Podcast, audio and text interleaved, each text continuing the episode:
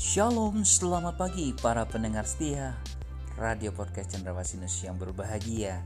Hari ini kita akan mendengar akan renungan akan firman Tuhan. Biarlah firman Tuhan yang hidup itu akan menjadi berkat ketika Anda mendengarnya Dan rema dalam kehidupan Anda. Selamat mendengarkan firmannya. Tuhan Yesus memberkati Anda.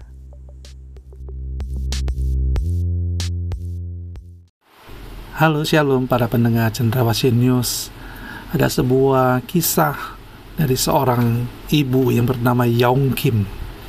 Beliau dilahirkan di negara Korea tahun 1948 Negara Korea saat itu diambang perpecahan perang saudara.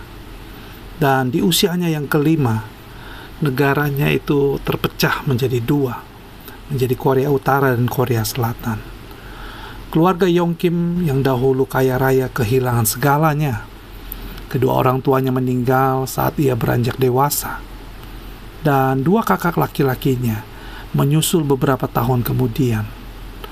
Dan setelah menikah, Ibu Yong Kim ini bergumul dengan banyak masalah di dalam rumah tangganya.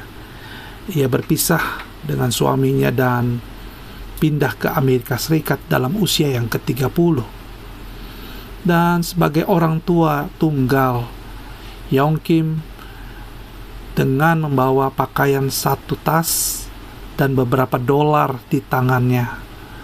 Dan saat itu kehidupannya mempunyai sebuah kisah yang syarat dengan duka cita, syarat dengan pergumulan dan kehilangan banyak hal.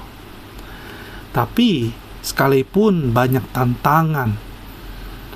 Ibu Yong Kim ini adalah orang yang paling berpengharapan yang saya ingin sampaikan pada hari ini.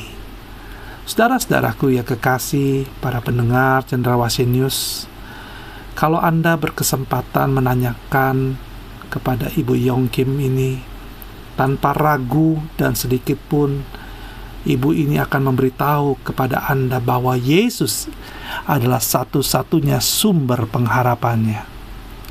Ibu ini akan mengatakan dan memberitahukan kepada Anda bahwa sejak ia berjumpa dengan Kristus yang bangkit pada hari yang ketiga, perjumpaan Ibu Yongkim dengan Kristus menjadi hidup yang berubah hidup yang ditopang dengan kekuatan supranatural.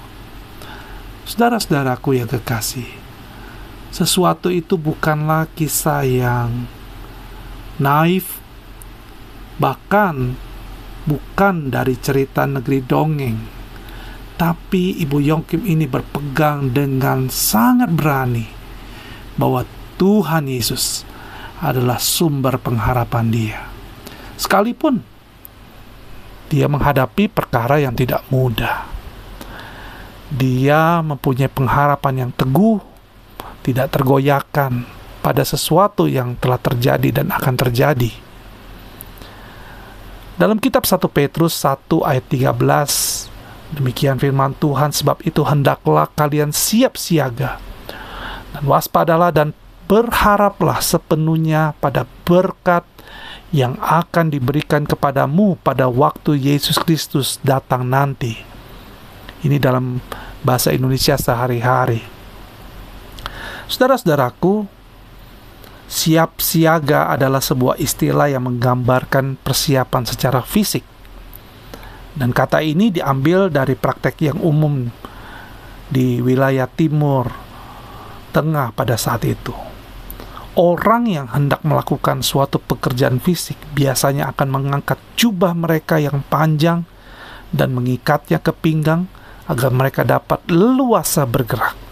Dan persiapan semacam ini pun dilakukan baik oleh para petani yang hendak ke sawah, para prajurit yang hendak berperang, maupun para pelari yang hendak bertanding.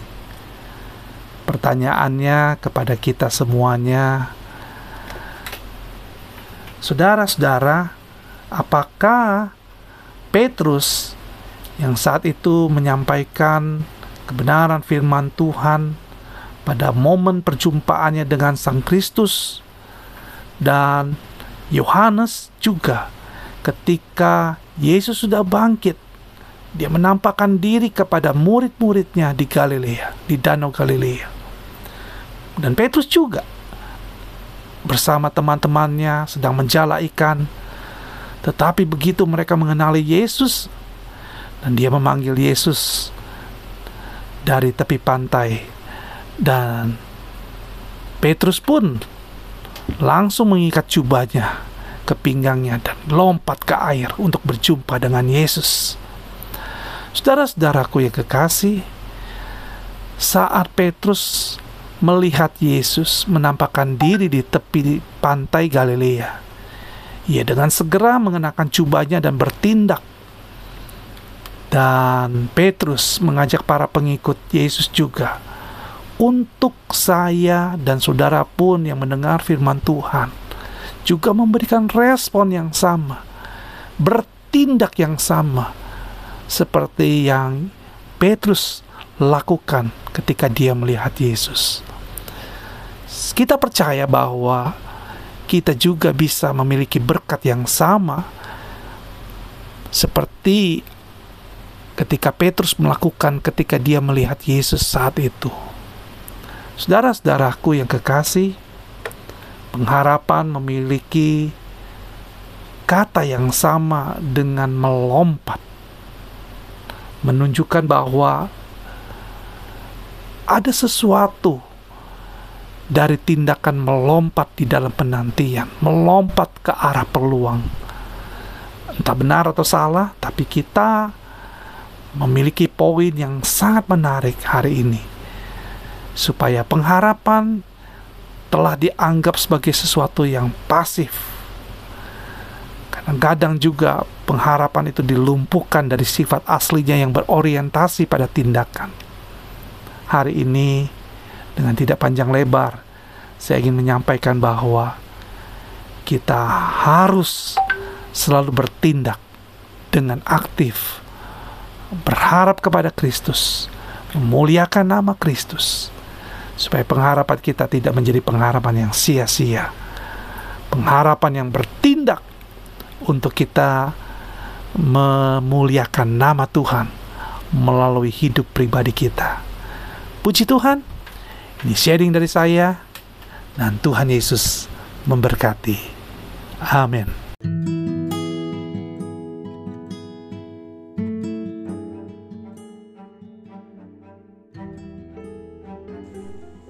Terpujilah bagi nama Tuhan. Melalui renungan hari ini, Anda diberkati Tuhan dalam suka maupun duka, di atas gunung atau di lembah, dalam tangis ataupun tawa, dalam berkat maupun percobaan. Tuhan Yesus selalu ada di sana, menemani dan tak pernah meninggalkan Anda. Sampai jumpa. Tuhan Yesus memberkati Anda.